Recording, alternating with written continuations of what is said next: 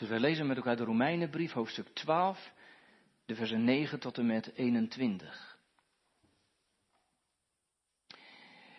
En daar spreekt de Heere tot ons, laat de liefde ongeveinsd zijn. Heb een afkeer van het kwade, houd vast aan het goede. Heb elkaar hartelijk lief met broederlijke liefde. Ga elkaar voor in eerbetoon. Wees niet traag wat uw inzet betreft. Wees vurig van geest, dien de Heere en verblijd u in de hoop. Wees geduldig in verdrukking, volhard in het gebed. Wees deelgenoot in de noden van de heiligen en leg u toe op de gastvrijheid. Zegen wie u vervolgen. Zegen hen en vervloek hen niet. Verblijd u met hen die blij zijn en huil met hen die huilen. Wees eensgezind onder elkaar. Streef niet naar de hoge dingen, maar houd u bij de nederige en wees niet wijs in eigen oog. Vergeld niemand kwaad met kwaad, wees bedacht op wat goed is voor alle mensen. En leef zo mogelijk, voor zover het van u afhangt, in vrede met alle mensen. Wreek u zelf niet, geliefde, maar laat ruimte voor de toren, want er staat geschreven, mij komt de wraak toe. Ik zal het vergelden, zegt de Heere. En als dan uw vijand honger heeft, geef hem te eten. En als hij dorst heeft, geef hem te drinken. Want door dat te doen zult u vurige kolen op zijn hoofd hopen. Wordt niet overwonnen door het kwade, maar overwin het kwade door het goede. Tot zover onze schriftlezing en de tekst voor de preek, waar we in het bijzonder bij willen stilstaan, zijn de versen 11 en 12a. Wees niet traag wat uw inzet betreft, maar wees vurig van geest. Dat is eigenlijk enthousiasme in de geest zijn. En dien de Heer, verblijd u in de hoop. Gemeente, iedereen heeft wel eens van die dingen waar je helemaal vol van bent. Hè? Wat, wat, wat is dat eigenlijk bij u? En bij jou? Jongens en meiden, waar worden jullie nou helemaal enthousiast voor? Is dat misschien je hobby of je werk? Of de vakantie waarover je maar blijft praten en posten? Of zijn het de kinderen of de kleinkinderen? Of bepaalde dingen waar je helemaal vol van bent, je nieuwe computer, je smartphone, je auto, je nieuwe kleren, je huis. Op zich best mooi, toch? Enthousiasme. Daardoor, gemeente, blijven dingen interessant. Daardoor steek je anderen aan. Da, enthousiasme, dat geeft dingen kleur. Dat is belangrijk. Als, als iemand enthousiast vertelt bijvoorbeeld over zijn vak of zijn baan, dan krijgt dat iets moois. Soms zelfs iets aantrekkelijks. Er zullen er best zijn vanmorgen hier in de kerk die, die een bepaalde opleiding hebben gedaan of, of baan hebben gevonden uiteindelijk, omdat iemand anders daar zo enthousiast over was en, dat aanstekelijk was. En, en, en, er zijn altijd kinderen die, die in de voetsporen van hun vader of moeder gaan, omdat ze bij hun vader zien bijvoorbeeld dat hij zijn werk vol overgave en plezier deed. De vonk sloeg over of, of meiden die, die graag moeder willen worden, omdat ze zelf zo'n geweldige moeder hebben. Dat is mooi. Gemeente Paulus heeft het in het schriftgedeelte van vanmorgen in Romeinen 12 ook over enthousiasme. In de geest zijn. Alhoewel, je hoort dat misschien in de vertaling daar niet direct in terug. Maar, maar dat is wel waar hij het over heeft. In, vers 11 roept hij de gemeente namelijk op om, om niet traag te zijn bij hun inzet, wat hun inzet betreft, maar, maar vurig van geest te zijn. Een Engelse vertaling helpt ons om dit vers beter te begrijpen. Ik las ergens, don't be lazy in showing your devotion. Vind ik mooi. Wees niet lui don't be lazy in het tonen van je toewijding, van je devotie, van je vroomheid. Met andere woorden, gemeente, laat het zien, laat het merken wat je gelooft, wat, wat het geloof in Christus met je doet. En wees daar niet terughoudend in, zegt Paulus. Niet, niet traag, maar vurig. Vuren, gemeente, betekent trouwens in het Grieks zoals het hier staat, zoiets als koken of, of bruisen. Dus zoals water kookt, zoals het bruist en borrelt, laat het zo bruisen en borrelen van Gods geest in je leven. Omdat je aangestoken bent door dat heerlijk evangelie van Jezus Christus. Nou, laat het zo zijn, zegt Paulus vandaag. Ja, want gemeente, wie, wie met de Heere Jezus in aanraking komt, wie echt door het kruis geraakt wordt, wordt toch ook een ander mens? Dan gebeurt er toch iets? Dat, dat zit toch ook in het woordje bekering. Dan, dan keert je leven om. Plots of van lieverlee. Ja, ik zeg wel eens, dan uh, ga je ondersteboven. En dan raak je ondersteboven. Van Hem die, die je redding en behoud op het oog heeft. Van Christus en het kruis. Van dat bloed dat reinigt van alle zonden. Van de opstanding die je in dat nieuwe leven brengt en zet. En gemeente, als dat gebeurt en als dat in je leven komt en is. Dan, dan blijft niets toch hetzelfde. Dat kan toch niet? In het begin van, van de Romeinen 12 schrijft Paulus dat ook. Daar zegt hij, Word niet aan deze wereld gelijkvormig. Doe niet wat de wereld doet, zouden wij zeggen. Maar word innerlijk veranderd door de vernieuwing van uw gezindheid. Om te kunnen onderscheiden wat de goede en welbehagelijke en de volmaakte wil van God is. Je je gezindheid vernieuwt en je raakt gericht op God. Ja, gemeente, soms plotseling, dat kan. Schot je met kracht bekeert. En het in één keer inslaat in je leven. Maar meestal gaandeweg. Zeker als je op mag groeien in de kerk. Gaandeweg de geraaktheid, de vernieuwing en de gerichtheid op God. Kijk, jongens en meisjes, moet je horen. Als je, kijk, als je van de Heer Jezus houdt. Maar, maar dan echt van hem houdt, hè dan, dan ga je toch ook op de Heer Jezus letten. Tuurlijk. Dan ga je naar Hem luisteren. Dan, dan ga je ook doen wat Hij wil. Tuurlijk. weet je waar dat op lijkt? Op een banaan. Nou, die, die zag je niet aankomen. Maar dat lijkt echt op een banaan. Mag ik iets aan jullie vragen, jongens en meisjes? Weten jullie waarom een banaan krom is? Nee, dat is niet het goede antwoord. Als we krom zijn, dan vallen ze om. Weet je echt waarom een banaan krom is? Weet je niet, hè? Ik wel. Kijk, eerst, een, een banaan groeit aan een bananenboom, of een bananenplant eigenlijk. En eerst is dat een hele grote mooie bloem. Echt een groot, zo groot soms, zo'n hele mooie grote bloem. Maar op een gegeven moment, dan beginnen die bloemen een beetje op bananen te lijken. Dan gaat die banaan erin groeien. En weet je wat er dan gebeurt? Dan gaat die bloem hangen. Want hij wordt een beetje zwaar. Dan gaat hij naar beneden hangen. Dus ziet er een beetje verdrietig uit. Nou, al die bananen, die bloemen hangen dan naar beneden. Maar weet je wat er dan gebeurt? Als de zon gaat schijnen, dan gaat die banaan naar de zon toe groeien. Daarom is hij krom. Echt waar. Moet je voort, altijd als je nu een banaan eet, dan zeg je, dat komt omdat hij naar de zon gaat groeien. Maar nu ga ik je iets vertellen. Als je van de Heer Jezus houdt, dan ben je eigenlijk ook zo'n soort vrucht, zo'n banaan. Je groeit naar Hem toe, want je wil op Hem lijken. Je wil naar Hem kijken. Eh, wij kijken eigenlijk een beetje omhoog naar de hemel. Weet je hoe dat met een heel moeilijk woord heet? Dat mag je best onthouden. Bekering. Onthoud het maar.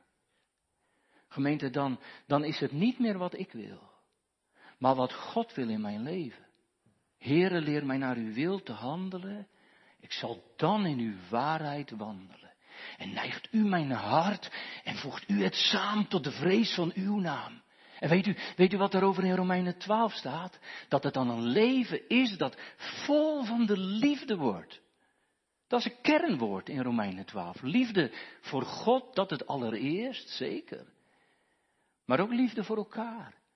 Broederlijke liefde staat er, eensgezindheid, het omzien naar elkaar. Ja, dat kernwoord in Romeinen 12 is liefde. Maar gemeente geen, geen liefde die uit de lucht komt vallen. Geen lievigheid. Maar gemeente liefde die, die gevoed en gevuld wordt door de liefde waarmee God ons eerst heeft liefgehad. En, en daarover schrijft Paulus eerder in de Romeinenbrief. Heel mooi. Daar zegt hij, God bevestigt zijn liefde voor ons daarin. Niet dat wij Hem lief hebben. Maar God, God bevestigt zijn liefde voor ons daarin dat Christus voor ons gestorven is. Wanneer? Toen wij Hem nodig hadden. Nee, zegt Paulus, toen wij nog zondaars waren. Kijk gemeente, kijk naar het kruis waar, waar de Heer Jezus Christus wilde lijden en sterven voor uw zonde, voor alles uit. Voordat u en ik hem überhaupt in het oog kregen. Voordat je hem nodig had. Toen, toen je nog midden in de zonde was. Toen je niet eens wist wat zonde inhield. Toen toonde God zijn liefde in zijn zoon. En, en dat is zo'n heerlijke, overweldigende gedachte. En zo'n geweldig geheim. Gemeente, weet u van dat geheim? En jij, jongelui, heeft het je geraakt. Die, die onverdiende, genadige, overweldigende liefde van God. Terwijl u en jij nog zondaar was. Kun je toch niet voorstellen? Dat je er niet van wist. En dat je er niet naar zocht. Dat je zondaar was. En toch opgezocht door de liefde. Waarmee hij, waarmee hij de wereld heeft liefgehad. En zo heeft liefgehad. Dat hij zijn enige geboren zoon daarvoor gegeven heeft. Gegeven tot in de dood. Gemeente, weet u, weet u waar je dat vooral schitterend ziet oplichten? In de kinderdoop. Want water, water, weet u toch, water van de doop symboliseert het bloed van Christus. Gestort op Golgotha. En zonder dat je het wist als kind, daalde het op je neer. Sloot God je in en op in dat verbond van liefde en genade. Mooi Mooi hè, wij zeggen dan God bevestigt en verzegelt zijn liefde. Toen wij nog zondaars waren. En gemeente, als je dat weet en gelooft en beseft, dan blijft toch niets hetzelfde. Dat kan toch niet? Daar ben je toch vol van? Dat, dat moet toch van je afstralen en uitstralen? Of om het even op onze eigen gemeente te betrekken. Dat, dat moet er in Sillarshoek toch helemaal van afspatten. Gemeente, het moet er toch van afstralen dat we opgezocht zijn door die hemelse, duur betaalde liefde. Ja, in Korinthebrief staat dat, hè, van de gemeente. Daar staat, u bent duur gekocht. Weet u wel dat er een prijs op uw hoofd staat? U bent duur gekocht. En vandaag zegt de Heer tegen zijn gemeente, laat het zien. Toon het. Aan elkaar, aan de jongeren, aan de kinderen, aan de, aan de buitenwacht. Nou, er staat eigenlijk een soort vermaning, hè? Toon het. Don't be lazy, zegt Paulus. Wees niet lui. Jongens en meiden, ik vind dat trouwens een mooie quote, eerlijk gezegd. Don't be lazy in showing your devotion. Ik heb het wel een beetje onthouden. Staat straks ook op het vragenbriefje. Ik zou het wel mooi vinden als je dat vandaag op Insta zet, in je verhaal. Zou ik wel stoer vinden. Ik ben in een kerk geweest, waar ging het over? Don't be lazy in showing your devotion.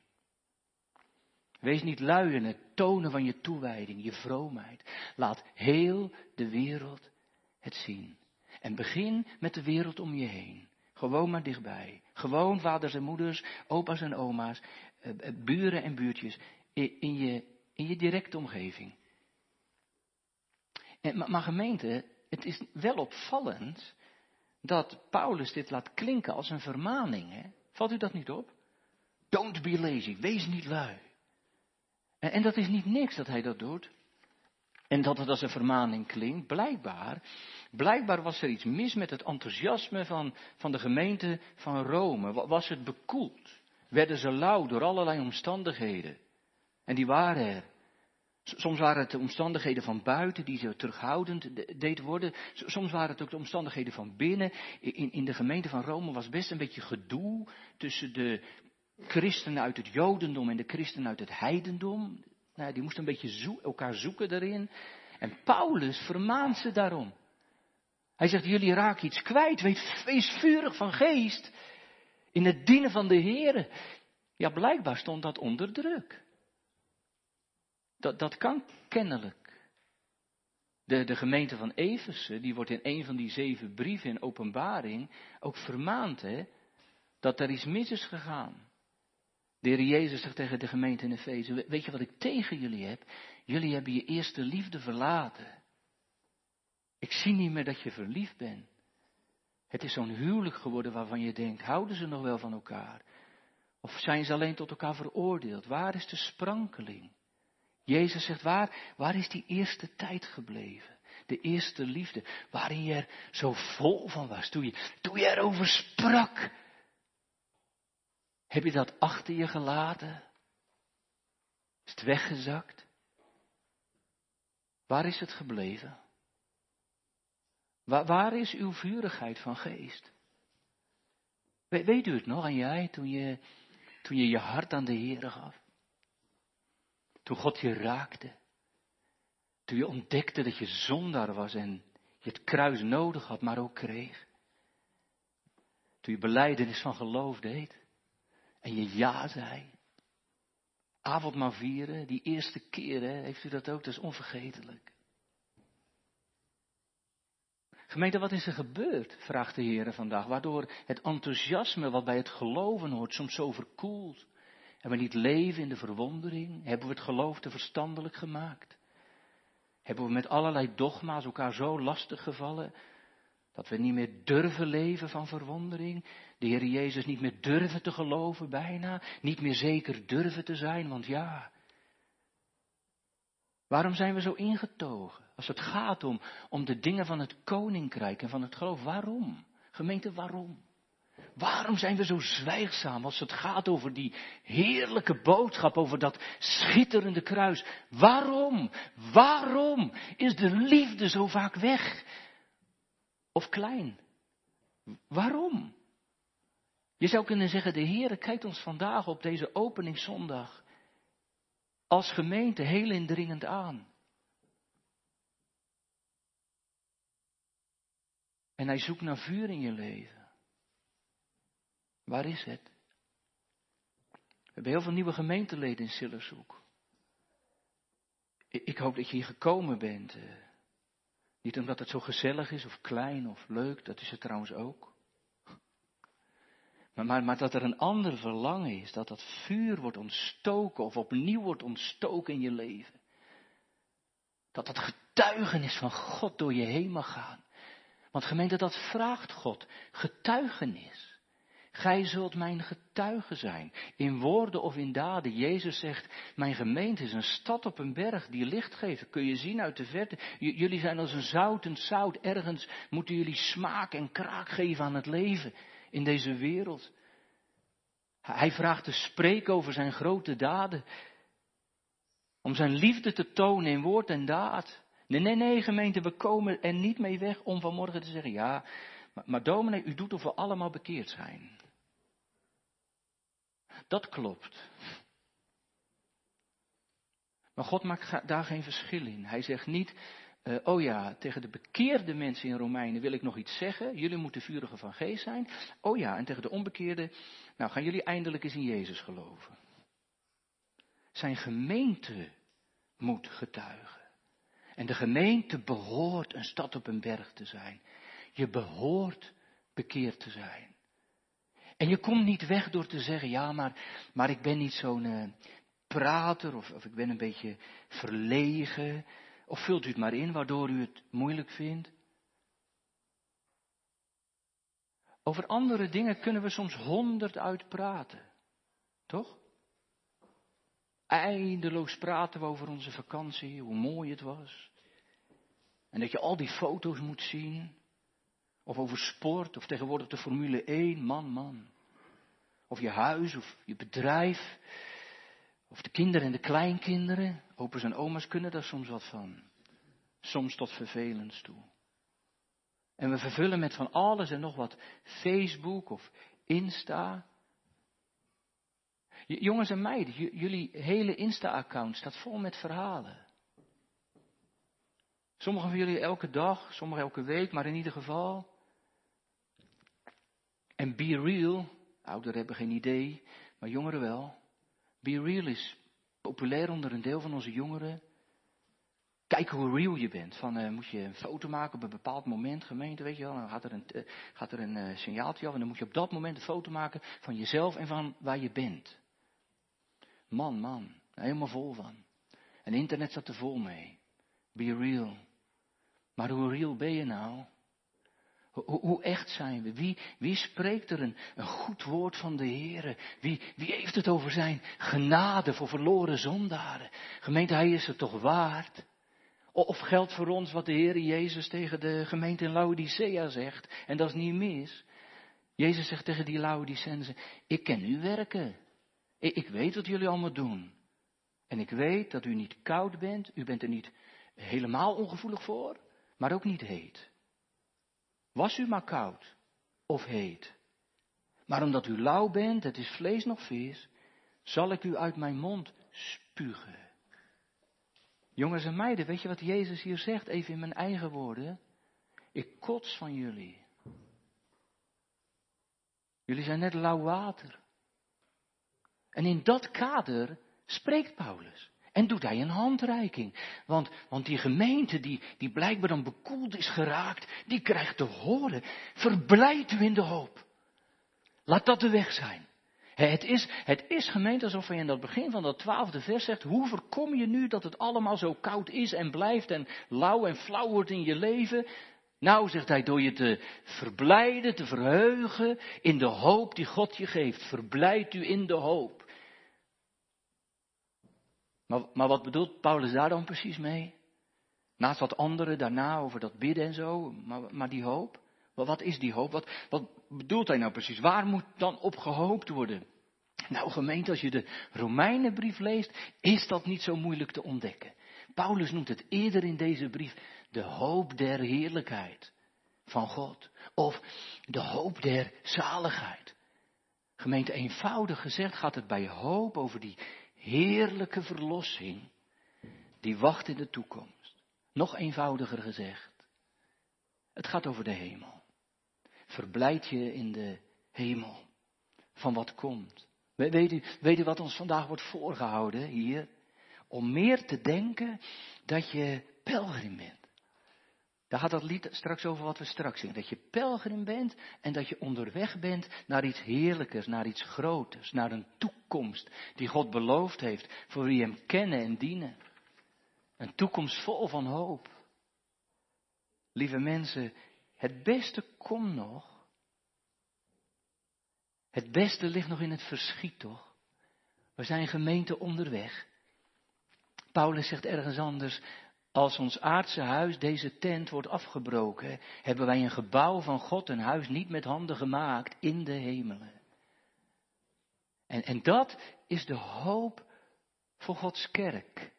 Hoop die al je leed verzacht, die je soms dwars door je moeite en je zorgen heen draagt. Toen, toen Jezus uh, over zijn hemelsvaart sprak, zei hij tegen de discipelen, in het huis mijn vaders zijn vele woningen. Anders zou ik het u gezegd hebben.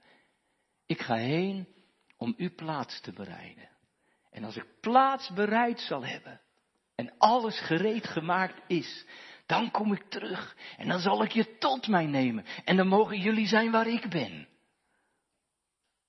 Jongens en meiden, er zijn altijd wel eens van die plekken waar je heel graag heen wilt. Hebben jullie dat niet, meisjes? Jongens en meisjes, dat je van die plekken hebt waar je, waar je best wel eens graag naartoe zou willen. Gewoon dichtbij, maar soms ook heel ver weg. Uh, Amerika of zo. Uh, misschien heb je er wel eens filmpjes over gezien of plaatjes van gekeken. Maar, maar weet, je wat, uh, weet je wat de Heer Jezus tegen de kinderen heeft gezegd? De Heer Jezus zei tegen de kinderen, laat de kinderen tot mij komen, die ken je wel hè, maar hij zegt er iets bij, want voor de kinderen is het koninkrijk van de hemel. Jezus zegt, er is een land zo mooi, zo heerlijk, daar woon ik. En ik ben de koning. En kinderen mogen er ook wonen. Weet je, als je daar mag komen in dat land, dat is nog mooier dan Amerika of eh, Afrika of de Hoekse Waard of Israël of wat dan ook, echt. Ja, gemeente, de hemel wacht voor al zijn kinderen. En weet u, de hemel is zo heerlijk. We zijn onderweg naar heerlijkheid. Paulus zegt in Romeinen 5, een paar hoofdstukken eerder, wij roemen, wij geven hoog op van de hoop op de heerlijkheid van God. Alsof hij zegt, we kijken met verwachting uit naar, naar al die grote dingen die hij voor ons heeft klaarliggen. Waarop we hopen. En gemeente, daar is het verreweg heerlijker dan, dan, dan wat ook op aarde. Hier gaat alles voorbij, echt. Waar wij ons druk over maken, het gaat allemaal voorbij. Je laat het allemaal los, ooit. Het is allemaal geïnfecteerd met de dood. Wat is er een lijden en een zonde? Wat zijn de zorgen? De ene crisis volgt de andere op. En wij, nou, wij blijven de strijd van, van pijn en zonde hier op aarde ervaren. Want we zijn hier nog niet thuis. Strijd daarom, zegt Paulus, de goede strijd van het geloof. Grijp naar het eeuwig leven. Want hier beneden is het niet. Gemeente, dat is niet sombere. Dat, dat is de rauwe werkelijkheid. Door, door de zonde komt alles hier beneden tot een einde. Dat is pas hopeloosheid. Kijk, over 25 jaar zijn de meeste 60-plussers hier in deze kerk en niet meer. Alles sterft. En over 50 jaar zijn we bijna allemaal gestorven. Op een enkeling na. En over 75 jaar is iedereen die hier zit, misschien op een kind na, en niet meer. Dat is wat Jezus zegt. Die zegt, de wereld gaat voorbij en alle begeerlijkheden. En wij zijn dood en moeten sterven. Zo schrijft Johannes het in zijn eerste brief. En wat een ellende eigenlijk toch? Maar dat is het ook. Ellende. Moeten we ook niet zielig over doen. We zijn ellendig op een wereld die, die bewaard wordt, zegt God, voor het oordeel ooit en eens. Maar gemeente, dat is toch niet het laatste woord. Paulus zegt, blijf daar nou niet bij hangen, maar, maar verblijd je in de hoop. Dat is wat de gemeente van Christus doet. In Jezus' naam is er een deur van hoop geopend. Er is een toekomst, een heerlijkheid, een hemel. En de tekst van vandaag noemt dat hoop. En de Bijbel vergelijkt hoop heel vaak met een anker, dat weet u. Je, je, bent, je bent met een schip in nood en, en je bent onderweg naar die veilige haven. En, als je dreigt te pletter te varen, heb je dat anker nog. En ga je soms voor anker, wachtend op die thuiskomt in die heerlijke haven der rust. Dat anker der hoop dat je mag werpen te midden van je twijfels en je vragen. Een anker van hoop dat vasthoudt aan Gods belofte. Nee, nee, nee, God heeft ons geen kalme reis beloofd. Maar wel een behouden aankomst. In die haven der rust. En wat zal dat heerlijk zijn als je, als je daar komen mag. Verblijd je erin. Jezaja profiteert er heel mooi van, hè, van, die, van die hemelstad. Jezaja zegt, geen inwoner zal daarmee zeggen, ik ben ziek. Want het volk wat daar woont, zal vergeving van ongerechtigheid hebben ontvangen. Hoop. Trouwens, van hoop naar doop is maar één letter, hè? We zeiden er net al iets over. Als gemeente van Christus ben je een gedoopte gemeente. Een verbondsgemeente. Gegrepen door zijn liefde. Maar weet je, juist in dat verbond doet God aan zijn gemeente de heerlijkste belofte. Aan ons en onze kinderen. Je bent van mij, zegt God. Ik wil u tot een God en een vader zijn. En daarom noem ik u kind. En een kind, Dat is een erfgenaam. Een erfgenaam van het Rijk van God. Gemeente, kun je nagaan, de verbondsgemeente heeft een erfenis. Echt waar.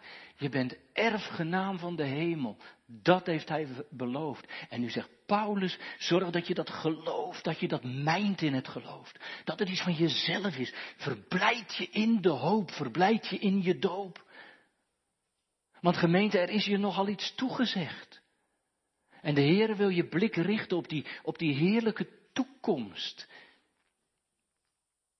En dat mag toch blijdschap geven. En opluchting. Ge geeft dat het bij u ook en bij, bij jou? Bent u daar opgelucht door? Kijk, dat, dat, dat is wel wat God vraagt. Verblijd uw leven eruit. Ja, ja, ik weet, dat vraagt geloof. Zeker. Zonder geloof doet het je niks. Zonder geloof hangt het in de lucht. Maar daarom zeggen we altijd geloof in de belofte van God. Geloof dat Hij het is die zalig maakt van zonde. Geloof dat Hij een leven geeft dat eeuwig goed is. En dat mogen we elkaar voorhouden.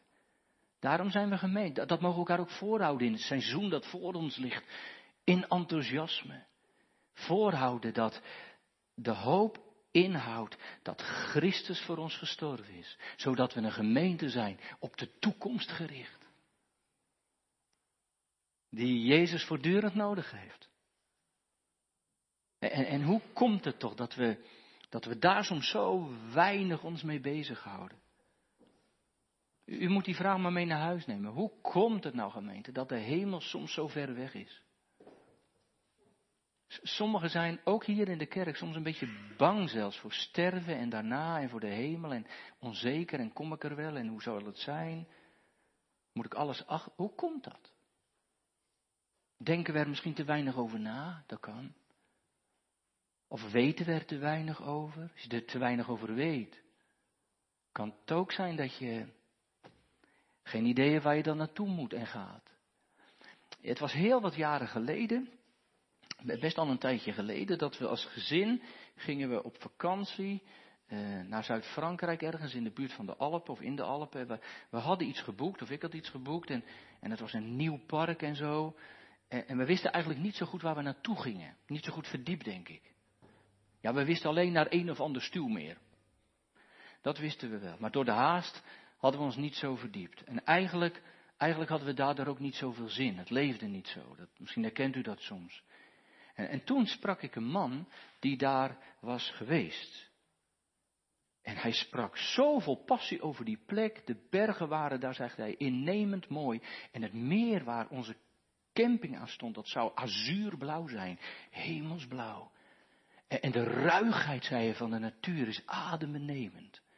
Hij noemde het op een gegeven moment, dat weet ik nog goed, de Grand Canyon van Frankrijk.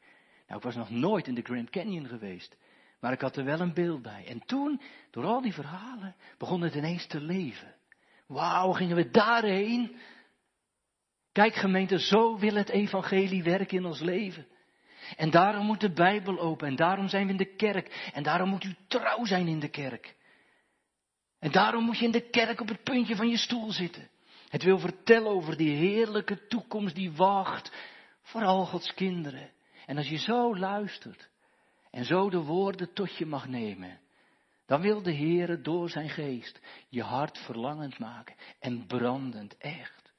En, en dan laat hij je ook zien dat het lijden van deze tegenwoordige tijd niet opweegt tegen de heerlijkheid die komt. Sommigen van u maken best wat mee in hun leven. Of hebben iets meegemaakt. Als je zicht hebt op de hemel en op Jezus, dan zal het lijden van deze tegenwoordige tijd, hoe, zwaar je het ook vindt, niet opwegen tegen de heerlijkheid die komt. Echt niet. En gemeente, mag je daar wel eens iets van zien? Dat is wel nodig hoor dan krijg je heimwee. En wie heimwee hebben, komen thuis. En wie dat heimwee nooit hebben, die komen ook niet thuis. Zo zegt u. Nee. Zonder hoop is er geen vervulling. Wie alleen voor de wereld leeft en in de wereld heeft en daar genoeg aan heeft, die zal met de wereld vergaan. En wie zich niet richt op die open deur van Gods toekomst, die zal net als de dwaze maagden straks staan voor de gesloten deur van de verlorenheid. Dat zal wat zijn, dan ben je zo dichtbij geweest. Maar het valt je niet toe. Het is je beloofd en aangereikt. En God zegt straks tegen je, ken ik u? Ik ken u niet. Gemeente, het is de Heer om iets anders te doen. Hij wil dat er niemand achterblijft. Niemand. Maar dat we ons allen zullen verblijden in de hoop, lees ik vandaag. En als je dat doet, dan gaan de deuren open. En dan schenkt de Heer vergezichten die, die soms over de dood heen reiken. En kijken. En dan, dan dank ik voor morgen. En voor de toekomst. Er was dus een man onderweg. En iemand vroeg hem, het was een handelsreiziger. Iemand vroeg hem, meneer, waar, waar bent u onderweg naartoe? Toen zei hij, uh, naar de hemel. En onderweg doe ik zaken. Dat vind ik mooi. Ja, ik ben onderweg naar de hemel en onderweg geef ik les en ben ik dominee en vader en opa. Maar ik ben onderweg. Als dat je levensdoel is, dan mag je je verblijden in de hoop. En dan komt er enthousiasme. En dan zal het leven hier gestempeld worden door een leven met God. En dan straal ik uit dat het echt is. Gemeente, laten we vooral een echte gemeente zijn. Die uitstraalt wat God erin straalt. Ja, dan zijn we werkelijk onderweg naar beter. En dan zullen anderen dat zien. Of ze willen of niet. Amen.